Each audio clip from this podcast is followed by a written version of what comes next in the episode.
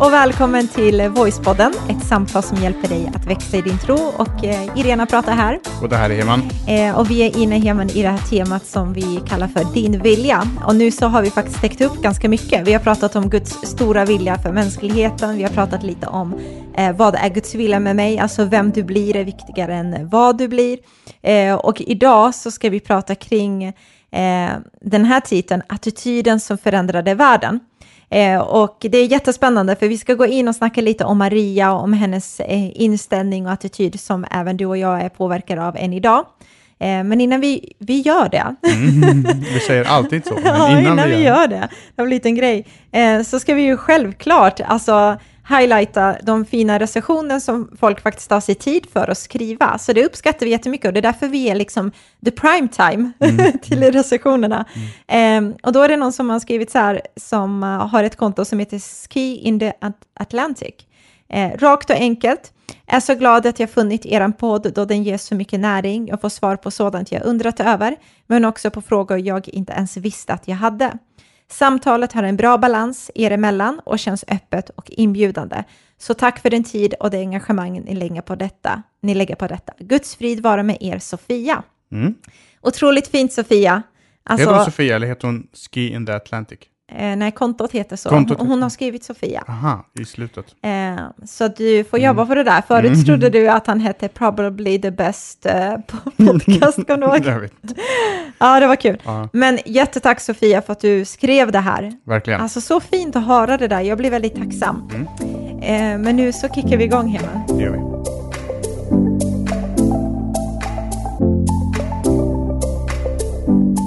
Så i det här avsnittet så ska vi på något sätt nästan knyta säcken. Vi har ett avsnitt till som vi också ska eh, spela in. Men vi ska nästan knyta säcken i det här och då finns det liksom en fras och en bön som man kan be och en inställning eller en attityd som du nämnde Irena, mm. som verkligen kan förändra allt och som verkligen blir den här eh, game changern. Mm. Eh, och den här frasen, den här attityden, den är inte så lätt att få tag i. Den är inte så lätt att eh, och liksom eh, göra en del av ens liv, men det är inte omöjligt, utan det, är, det går. Mm. Eh, och det kan vara läskigt. Eh, och man undrar säkert, vad, vad är det? Jag är ju själv på spänn, vad ska han säga? Precis, vad, vad, vad, vad, är det vi pratar om?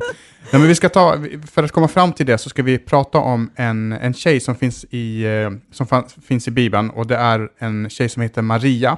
Eh, och Maria är alltså Jesus biologiska eh, mamma. Jordiska mamma. Eh, jordiska mamma, ja precis. Man kan väl säga biologisk.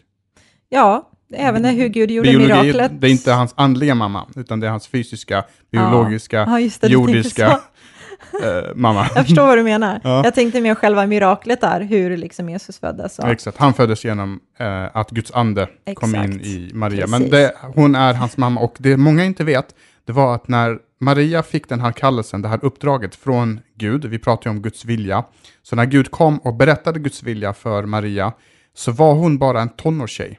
Man tror att hon var kanske mellan, vad är det, 12 till 15 år gammal kanske. Mm. Eh, och så hennes respons är det som vi kommer prata om idag och hennes respons blir verkligen eh, ett, ett exempel på hur vi kan leva våra liv som, som kristna. Mm. Så det känns eh, jättekul att vi taggar igång det och pratar om det här. Och vi pratade förra gången lite om eh, den här inställningen av att räkna med Gud och lita på honom och liksom att han är den här, eh, att Guds ord är den här lyktan som lyser upp vår väg och sånt. Och jag tror verkligen att om vi har en inställning av att Gud, jag räknar verkligen med dig, jag litar på dig med vad du än sätter i mina händer, alltså så vill jag använda det på bästa sätt, så tror jag att den attityden och den inställningen verkligen kan ta fram oss till olika situationer, till platser, till kontakter och människor som vi i vår egen kraft inte har kunnat orkestrera. Och jag har själv infunnit, äh, infunnit mig, säger man så, mm. eh, liksom i att bara när man har haft en inställning att man plötsligt är i hans vilja. Eh, och jag tror att om vi har den här inställningen med Gud, än en gång, vart jag än är, vad jag än rör mig, så vill jag att mitt liv ska spegla dig genom vem jag är eh, så, så, tror jag att man får vara med om riktigt så spännande saker. Exakt, och vi eh. behöver ju inte vara eh, rädda och slåss och kämpa för den kallelsen som Gud har för oss. Nej, verkligen inte. Eh, alltså, eh, det står på ett ställe att, att det verk som han har påbörjat, det är han mäktig och fullborda. Alltså mm. Gud är mäktig, om vi tillåter honom så är han mäktig och fullbörjad, eh, fullborda det som han har påbörjat eh, i våra liv. Absolut. Eh, och, och, och det här är något som vi tror jag kan ha svårt med i vår eh, liksom, sociala medietidsålder och när vi har mycket kontakter och, och, och så.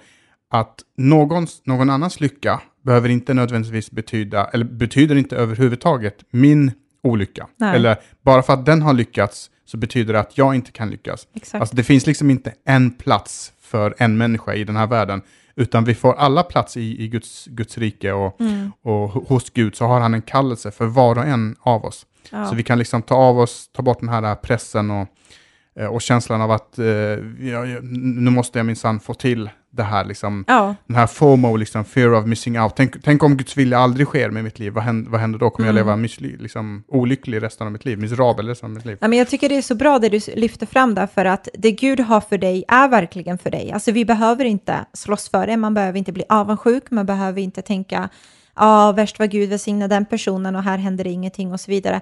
För att Gud vill att alla hans barn ska liksom verkligen få upptäcka vem de är och allt det här goda som han har för oss. Gud är generös. Det är inte så att för att någon annan liksom har hittat någonting och bara nej, tyvärr, det, det fattas inte dig, du kom för sent i kön, så att tyvärr, du får gå tillbaka och ställa dig igen eller något sånt.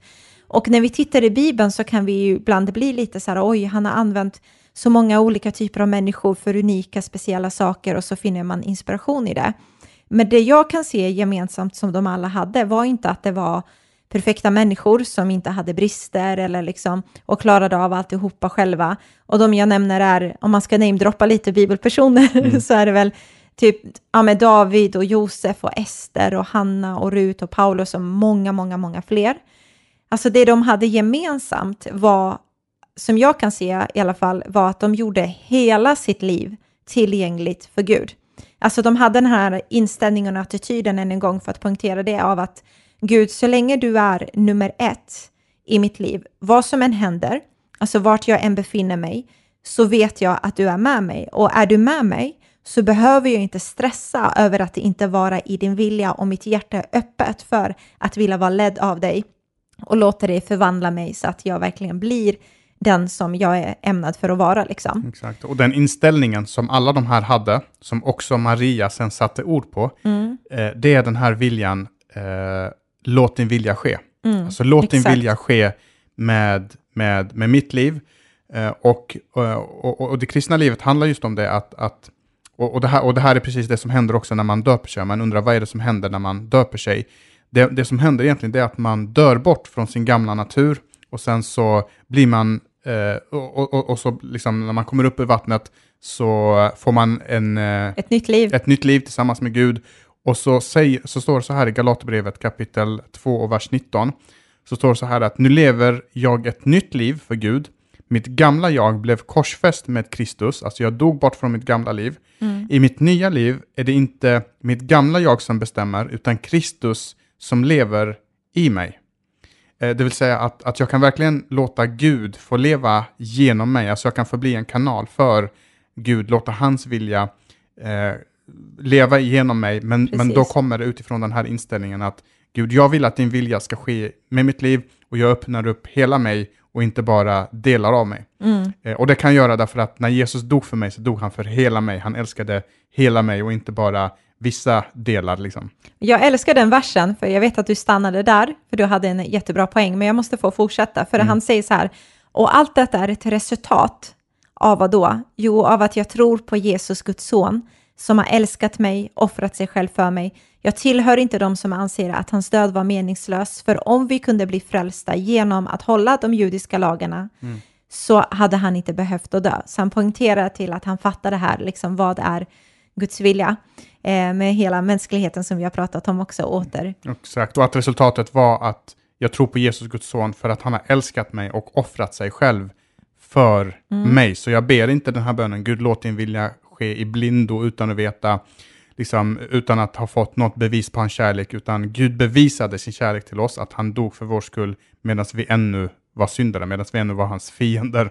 Så, så dog han för oss. Och, och därför så blir den bönen inte lika svår. Om jag påminner mig om det så blir den bönen inte lika svår. Att Gud, om du var villig att ge det bästa som du hade för min skull då, då vet jag att om jag lägger mitt liv i dina händer så vet jag att du kommer ta hand om mig och du kommer göra liksom, eh, eh, men du, du kommer ta hand om mig och min, din vilja kommer få ske i, i mitt liv. Mm. Och jag vet att Guds vilja är en fantastisk vilja. Ja, men det är verkligen helt fantastiskt. Men nu när vi pratar om Guds vilja så kanske någon tänker så här, men så jag kommer aldrig gå igenom liksom kommer jag aldrig möta problem eller hur, är det bara liksom räkmacka nu? Är det det som är att vara mitt i Guds vilja? För jag vet att ibland har man hört det här och man själv kanske har sagt i unga år att man söker Guds vilja genom att kolla efter du vet, de här öppna dörrar. Mm. Eh, och, och lite menar man kanske med att ja, men där det är enkelt, där jag får liksom möjligheter, där det är bara fritt fram, eh, där tolkar man det som att det är Guds vilja.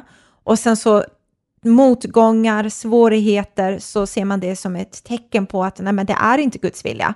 För att varför vill Gud att jag ska uppleva mig obekväm eller att jag faktiskt behöver kämpa en dag extra eller vad det nu kan vara liksom. Mm. Och det kan vara precis tvärtom.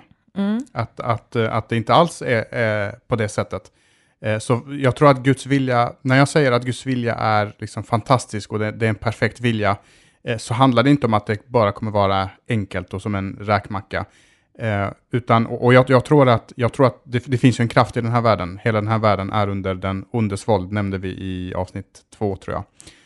Eh, och då innebär det att djävulen kan också öppna upp dörrar som ser frestande ut, som ser fantastiska och polerade och härliga och det glänser om det och det glittrar om det och det känns så bra. Men det betyder inte att det är den dörren jag ska gå igenom.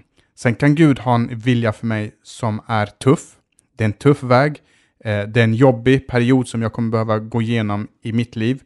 Eh, och det tolkar jag som en stängd dörr, för att det, motgångar blir liksom som, som stängda dörrar. Men det kan likväl vara en dörr som Gud vill att jag ska slå ner och gå igenom. Alltså att jag ska tryck, pusha liksom genom den här period, perioden med Gud på, på min sida. Just Så det där är väldigt farligt att och, och, och tänka på det sättet, liksom att öppna dörrar, det är Guds vilja, stängda dörrar, det är inte Guds vilja. Men, nej, men jag tycker det är verkligen eh, riktigt bra det du säger, för att man behöver ibland bara stanna upp lite. Eh, för jag vet själv att ibland så har en dörr varit vidöppen och det ser helt fantastiskt ut. Och hade vi haft eh, den synsätt att Guds vilja är enbart där det bara är enkelt och där det bara är liksom öppet, vidöppet, så hade man ibland gått igenom vissa av dessa dörrar så vet jag nu med facit i handen att vem jag skulle bli som person hade inte varit den jag önskade att jag skulle vara eh, längre fram. Liksom. Eh, så ibland kan vissa saker se väldigt bra ut i början och man tänker jo men det här är självklart och sen så märker man av att nej det här var inte den jag ville bli, hur, hur blev min riktning på det här sättet och så vidare. Exakt. Och vi brukar säga att omständigheter är egentligen väldigt dåliga vägvisare. Eh, för eh, om man tittar bara på Jesus själv, eh, han fick ju gå igenom svårigheter, men det var ju Guds vilja att, att göra det där för att vi skulle bli återförenade. Eh, och vi lever, precis som du säger, i en värld där alla tänker inte liksom vad som är ditt bästa. Eh, Gud gör det, han älskar dig jättemycket, men vi lever i en värld där människor inte alltid har dig i centrum och utgår ifrån vad, vad vill den här personen. Ehm, och jag, så jag tror det är viktigt att få med det där. Och när vi tittar på våra egna personliga liv, när vi ser lidanden vi har varit med om eller våra misslyckanden eller svårigheter, så tror jag att vi skulle inte vara den vi är idag, alltså vem, den person jag är idag.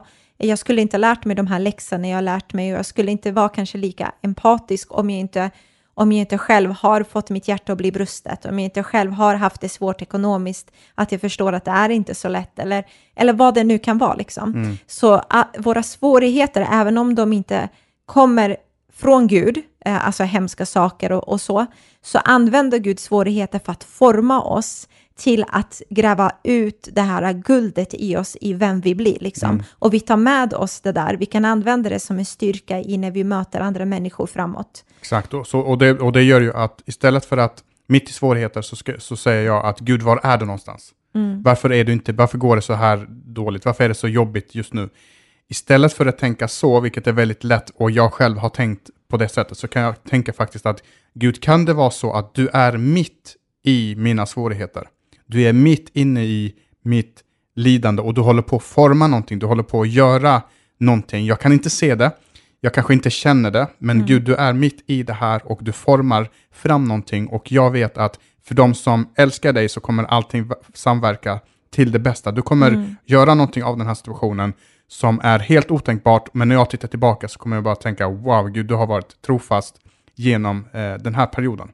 Eh, och och jag, jag vet som sagt, alltså, de människor som har gått igenom mest tuffa saker i sitt liv, jag tror att de personerna är bland de som är mest empatiska, de som bryr sig mest, där Gud har fått forma en, en, en karaktär. Mm. Jag tror egentligen inte det finns någon som bara glider igenom livet på en räkmacka. För att livet är tufft, även om du har haft en positiv uppväxt, så har vi alla gått igenom olika saker, men det är de sakerna som har format oss till de vi är. Mm. Och därför kan man på ett sätt inte liksom glädjas åt eh, dåliga omständigheter, men alltså omfamna eh, tuffa tider, omfamna lidande på ett helt annat sätt när jag vet att mitt i det här så formar Gud någonting och jobbar Gud med någonting i mig. Du nämnde att vi skulle titta på en tjej, en tonårstjej som var Maria då, eh, som är eh, Jesus mamma. Eh, och man kan läsa om den här händelsen i Lukas evangeliet kapitel 1 och vers 26 till 38. Det är ett jättelångt stycke, men för att bara eh, summera det hela så kommer en ängel till henne, Gud sänder en ängel till henne och säger till henne i princip att Maria, du har funnit nåd hos Gud, du ska bli liksom gravid och föda en son och hans namn är Jesus, det är världens frälsare. Eh, och så ser man hennes reaktion i detta, eh, där hon säger de här orden som du nämnde, liksom låt det ske med mig, låt din vilja ske, låt det ske med mig som du har sagt. Och lite bara kort bakgrundsfakta kring hela situationen så att vi fattar lite vad som försiggår runt omkring Maria är att hela nationen Israel hade i princip stannat upp. Liksom politiskt så var de ockuperade av Rom, andligt det hände inte så mycket. Eh, de hade inte hört något från Gud på typ 400 år, alltså det var inga profetia, ingenting, utan det som sades i Malaki sist, det var typ det sista. Och så kommer vi in i Nya Testamentet, så där så bara händer det inte mycket. Och så möter vi då Maria här, Eh, och min känsla av att när jag, när jag läser min bibel så vill jag försöka sätta mig in i det här att de faktiskt är helt vanliga människor som du och jag. Du vet, att de går igenom känsloliv och de går igenom, ja men de ska klara sig för dagen och allt det där. Fast samhället såg annorlunda ut så är det människor är människor. Eh, så hon verkar vara fast i den här staden som heter Nasaret. Eh, inget häftigt kom den här staden. En jätteliten stad med bara några hundra invånare, va? Något ja, precis. Fyra, typ 500 eller kanske färre än det. Eh, och det var ju liksom en håla kan man säga. Mm. Eh, och jag kan tänka mig att hon som tonårstjej kände lite så här, jag bara längtar tills att flytta härifrån. Mm. Till en större stad. och skaffa egen lägenhet. Ja, Eh, exakt. ja, det var inte så det gick till. Eh, inte riktigt. Mm. Men, eh, och relationellt så var det ju också lite sådär, alltså på den tiden så trolovade man sig med en person som familjen valde ut.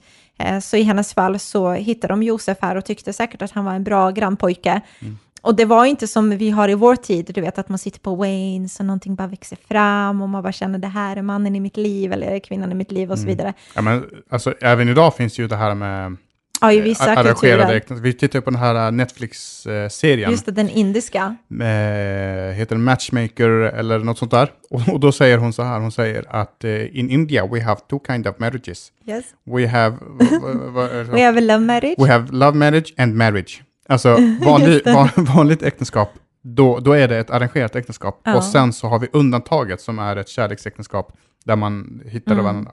Men jag, varför jag liksom gillar att måla upp det här, för ibland så tror jag att man kan känna igen sig i det här. Att man kanske, när man får hennes situation målad upp på det här sättet så kanske man känner själv så här, men jag känner att jag också är bara, har fastnat lite, liksom undrar lite, ja men gud, var är du, vad är din vilja, har du glömt mig och så. Mm. Men när vi läser i Bibeln och när vi tittar på den här händelsen speciellt så ser vi att Gud glömmer aldrig någon människa. Han vet exakt vart jag bor, han vet exakt vad jag känner, han vet exakt var jag befinner mig. Och han har alltid en väg för oss framåt där. Och så när den här ängeln kommer till henne. Och, och jag tänker ju att i den mm. kontexten, i allt det här, så verkar Gud i henne på ett sätt som inte syns på utsidan. Det är mm. inte häftigt, det är inte sminket, det är inte eh, gymträningen, det är inte eh, liksom bra betyg i potentorna och, och alla de här sakerna, utan det är någonting som Gud formar i henne och det är det som blir resultatet av när Gud väl möter henne, så säger hon någonting som är resultatet av allt det här som, som hon får vara med om. Liksom den här tristessen mm. och det händer ingenting, man har fastnat, någon annan styr mitt liv. Det är inte jag som har kontroll över mitt liv, kan det kännas eh, ibland som. Precis. Så, ja, det är verkligen så sant, Heman. Och när när hon är mitt i allt det där som du beskriver på något sätt så kommer den här ängeln som sagt och säger de här orden att Gläd är du som har fått nåd, Herren är med dig. Och det står i en engelsk översättning, du som är högt privilegierad. Liksom. Mm. Och en fråga man kan ställa sig lite när man läser det här är att, ja, men tror vi att hon kände sig privilegierad? Alltså, var hon nöjd med det? Liksom? Mm. Eh, och någonstans så tror jag ändå att hon bara liksom hade lite svårt att se vad som var Guds vilja mitt i allt det här. Eh, och eh, jag tror att Gud visste om det, att hon upplevde kanske, troligtvis, att hon, mm. det hände inte så mycket. Mm. Och, och Gud ville medvetet där bara, jag har någonting för dig, jag vet att du kanske känner att det inte är så mycket, men jag har valt ut det med ett syfte. Eh, du kanske inte trodde att det skulle bli så mycket med dig, men jag har någonting stort för dig. Att han såg henne innan hon ens fanns och valde ut henne för att göra en skillnad i den här världen. Mm. Men då, då, är det som att den här ängeln liksom ser den här situationen och Gud vet ju våra känslor. Han vet mm. vad vi går igenom och det är som att Gud vet vad hon går igenom, vad hon känner. Eh, och och, och han, han vet att hon, hon känner att hon har kört fast och hon behöver veta att det hon går igenom nu, hon ska glädja sig för det hon går igenom nu, för det kommer föda fram någonting fantastiskt som kommer mm. förvandla hela världen. Mm. Eh, och det är ju Jesus då som föds genom Maria som har förvandlat hela världen på ett sätt som ingen annan eh, har gjort. Men mitt i det så, så kommer ängeln på något sätt och, och med ett meddelande från Gud och säger eh, jag har en plan för ditt liv, du är mm. ingen slump, oavsett vad du känner så har jag varit ute, det finns ett mm. syfte med ditt liv. Eh, du kanske trodde att, att det skulle bli att det inte skulle bli mycket med dig, men jag har något stort för dig. Liksom alla de här sakerna. Mm. Eh, och, och, och, redan liksom innan du fanns så såg jag dig i moderlivet. Allt det där på något sätt kommer som ett paket från Gud, mm. mitt i hennes svårigheter, mitt i när hon känner att, eh, att eh, kommer det bli någonting av det här överhuvudtaget? Ja, verkligen. Och det som är viktigt att få med sig är att Gud gör inte skillnad på människor. Alltså det är inte bara att vi läser om eh, Maria och så är vi glada över det och bara, ja ah, men det var ju hennes grej, liksom vad spännande eller inspirerande. Mm. Utan samma sak gäller det oss också. Alltså det vi pratade om i förra avsnittet, att det Gud har påbörjat, påbörjat i våra hjärtan, det kommer han att slutföra, att det finns en plan för oss också. Mm. Och det kanske inte ser ut som Maria, för nu har världens frälsare redan blivit född, liksom. Mm. Men om du och jag kan lita på Gud, att han har koll på vårt liv och våga säga likt henne, låt din vilja ske med mig, så tror jag att han vill öppna upp en väg för oss framåt. Och det vi ser med facit i handen är att det kommer inte vara lätt. Det var inte lätt för henne. Alltså folk kommer troligtvis att ha åsikter och kommentarer. Eh, och det hade de säkert om henne. Ja, men den, eh, alltså hon tog en, en, en gigantisk risk i ja, det här. Ja, ja, Hela den här storyn, du kan berätta lite om den. Hela den här mm. storyn är ju, alltså om man läser om den med icke-religiösa ögon, icke-fromma ögon, nu är vi vana att läsa den här djurberättelsen och det verkar så vackert, men i da, liksom en tonårstjej eh, där man har liksom en strikt sexualmoral och så säger hon att nu har jag blivit gravid, mm. men hörni, ni behöver inte vara oroliga. Mm. För att jag har att inte, jag och Josef har gjort något. Nej, liksom, inte Josef, jag har inte varit otrogen nej, mot, mot, mot Josef, mm, mm. Utan, utan det är faktiskt, hörni, lyssna nu, det är faktiskt Gud som har gjort det här i mig. Det måste ha varit okej. Okay. Ja. Den har vi inte hört. Men jag tycker förut. det är verkligen, det är så, för att om man lyfter fram det för vad det är idag, liksom hur vi skulle reagera, så en fråga man får ställa sig är att tror, du, tror vi verkligen att alla trodde på hennes story? Mm. Alla trodde på den här berättelsen. Alltså dels så var det väldigt strikt att man väntade tills att de faktiskt skulle gifta sig. Dels så var det den biten. Eh, och, och även också att hon var tvungen att försäkra om att nej, jag har inte varken varit otrogen eller att jag och Josef har gjort det, utan mm. det är faktiskt Gud. Mm. Alltså två olika bitar i liksom, samhället där de kände, okej, okay, du vet, vi har hört mycket, men att du drog gudkortet, nu är, nu är det lite väl mycket liksom. Mm. Eh, så att den kampen som jag tror att hon också fick uppleva, mitt i allt det här fantastiska, var även att när människor, för jag tror inte alla köpte hennes berättelse. Nej, absolut inte. Eh, så när Jesus var en liten pojke... Knappt, knappt Josef köpte berättelsen. Ja, det var ju en ängel som fick berätta för Josef, du, eh, det, det, är inte som du tror, utan håll dig till henne, lämna inte henne, för att han hade Precis i, så tänkt, tänkt i smyg liksom avsluta hela det här ja. kapitlet, lämna det bakom sig, gå vidare, men så säger ängeln eh, till, till Josef att nej, men gör inte så, utan eh, håll, håll dig kvar för att det här är någonting annorlunda. Som Gud gör liksom. Mm. Ja. Så när, när folk ser, tror jag, Jesus växa upp där och han är ett litet barn och springer runt, så kan jag tänka mig att grannfolket, i, speciellt i den här lilla staden, bara, ja, där är han, lilla pojken, ja, hon drog ju till det där kortet, men vi vet ju att det är ett utomäktenskapligt barn på det här sättet. Då. Mm. Och du vet att eh, ryktena gick och vissa kanske höll miner, men ändå kände hon sig missförstådd. Mm. Eh, och det vi ser, det jag ser i alla fall med Maria var att hon var, absolut, jag tror att hon var rädd om sitt rykte. Eh, hon var en tjej som bara ville leva liksom, det som var gott och rätt. Men hon var mer rädd om sin lydnad eh, och framförallt att ta ansvar för det Gud har kallat henne till att göra. Så hon, tar, hon tar inte bara en risk, utan hon tar också ansvar med sig, eller mm. på sig. Eh, och det är ju så att vi som har varit gravida, vi vet om att plötsligt när man blir gravid så kommer ju det här ansvaret på köpet. Alltså du har någonting på, som växer på insidan, ibland är det jobbigt, ibland är det obekvämt, man liksom behöver ta hand om det här som växer på insidan. Och jag tror att vi också kan se det som att Gud vill lägga saker på insidan hos oss. Mm. Eh, att han vill liksom eh, påverka någonting vackert där i oss som bara han kan ta ära för. Exakt, och det här är en jättefantastisk bild på det vi har pratat om. Jag tror vi nämnde det i förra avsnittet, att, att det handlar om att Gud vill göra någonting från insidan och ut. Mm. Och det var det som eh, Gud gjorde i Maria. Han la världens frälsare in i hennes mage, men det syntes inte, det mm. märktes inte, det gick inte att ta på, det gick inte att skryta om, det, liksom, det, gick inte, det var så ohäftigt som det bara kunde bli och så osannolikt som det bara kunde bli.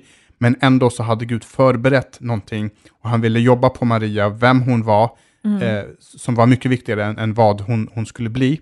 Och så kommer då till slut gensvaret som Maria, och det är mm. det här som jag teasade eh, med i, i början, i Lukas evangeliet kapitel 1 och 38, så står det att Maria sa, och det här är hennes gensvar, jag är Herrens tjänarinna, låt det ske med mig som du har sagt. Mm. Alltså låt din vilja ske med mig, så som du har sagt, så som du har planerat, så som din vilja är. Jag vill att din vilja ska få ske i mitt liv. Mm. Och det var den här lilla meningen som kan verka som att vi kan bara läsa den och hoppa över den.